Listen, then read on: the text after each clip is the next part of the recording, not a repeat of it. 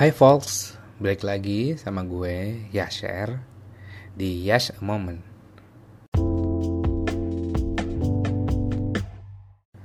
Sebelumnya gue mau ngucapin selamat berpuasa ya bagi yang menjalankan.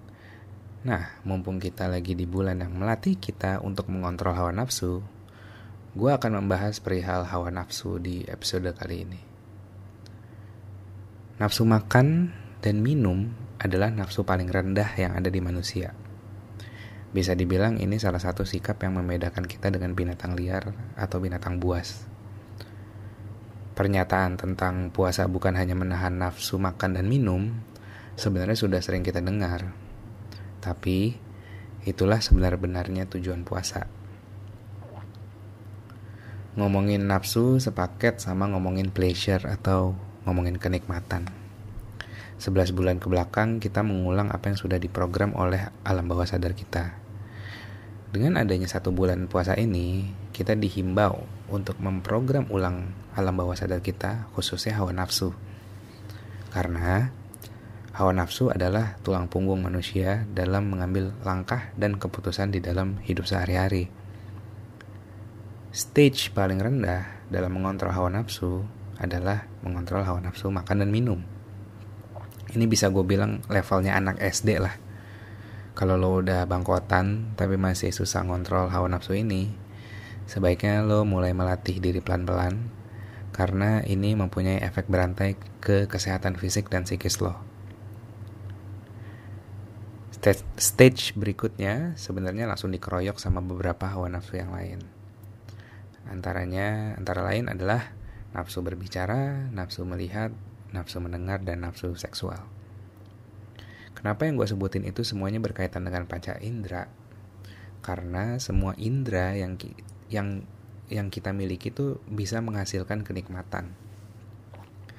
Seperti yang gue bahas di episode sebelumnya perihal uh, kenikmatan, pleasure is not happiness. Rasa pleasure atau rasa kenikmatan itu harus di-maintain agar tetap tajam. Gue mau remind sedikit. Misalnya kita ambil contoh nafsu melihat.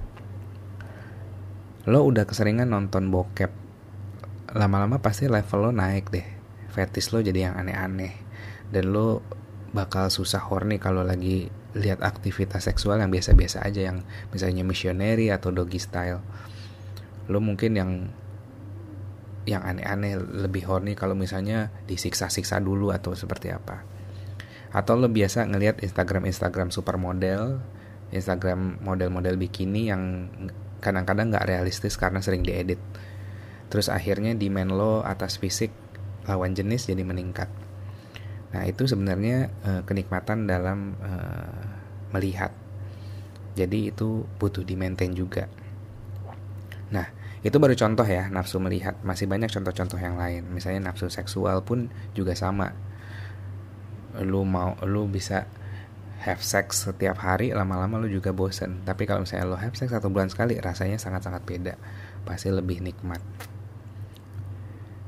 Nah gunanya puasa ini adalah meliburkan indera-indera lo dari kenikmatan yang biasa lo rasain agar tetap humble. Maksudnya di sini bisa mengatur ulang benchmark ekspektasi dari kenikmatan yang lo rasain sehari-hari. Karena kalau kita hidup cuman ngejar pleasure nggak bakal ada habisnya. Kalau pleasure itu effortless, maka akan mempertajam merasa lo untuk bersyukur, yang akan mengantar lo ke kebahagiaan. Ini sedikit kuat dari gua. Kenikmatan adalah sebuah kenyamanan yang disengaja. Sedangkan kebahagiaan adalah kebersyukuran dari alam bawah sadar kita sendiri. Jadi kayak nggak usah kita nggak sadar dengan ke, e, rasa syukur. Rasa syukurnya udah otomatis dan menimbulkan kebahagiaan. Mau tahu gak di otak kita ada dua prosesor namanya kesadaran dan alam bawah sadar. Kesadaran yang bertanggung jawab mengeksekusi atas aktivitas fisik dan mental kita sehari-hari.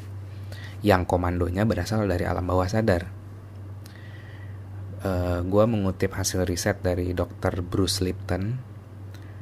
nanti lo bisa cari di YouTube dia kayak ahli otak gitulah kesadaran mempunyai kapasitas 40 bits per second sedangkan alam bawah sadar lebih kuat 1 juta kali maka sebenarnya 97% sampai 99% habit kita berasal dari alam bawah sadar yang cuman diulang-ulang dari kesadaran kita.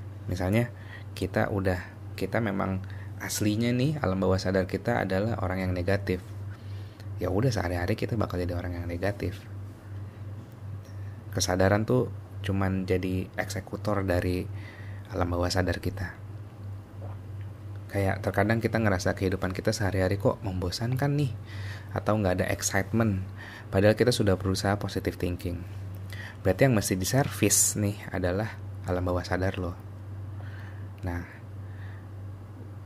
yang mendukung servis alam bawah sadar lo banyak banget bisa dari lingkungan bisa dari diri lo sendiri bisa dari informasi yang lo cerna setiap hari jadi resepnya banyak nah Salah satu cara ngeservisnya sebenarnya itu dengan berpuasa. Dengan berpuasa kita memberikan fisik dan mental kita istirahat dari kebutuhan akan kenikmatan itu. Hal ini akan membukakan pintu untuk kita bisa memprogram ulang alam bawah sadar kita untuk at least ya satu bulan ke depan eh satu bulan ke depan maksudnya 11 bulan ke depan jadi satu bulan kita eh, berpuasa itu bisa mempengaruhi 11 bulan ke depan kita. Lu bayangin bulan puasa bagaikan pit stop deh di balapan Formula One. Di saat mesin lo udah mulai panas, ban lo udah mulai aus, pit stop menjadi salah satu solusi dari kerusakan itu. Tapi tergantung juga bagaimana proses kita di pit stop ini. Apakah dimanfaatkan sebaik-baiknya atau dibiarkan lewat begitu saja. Semoga di bulan puasa ini kalian bisa memprogram ulang alam bawah sadar kalian menjadi sesuatu yang dapat mengarahkan kita ke kebahagiaan.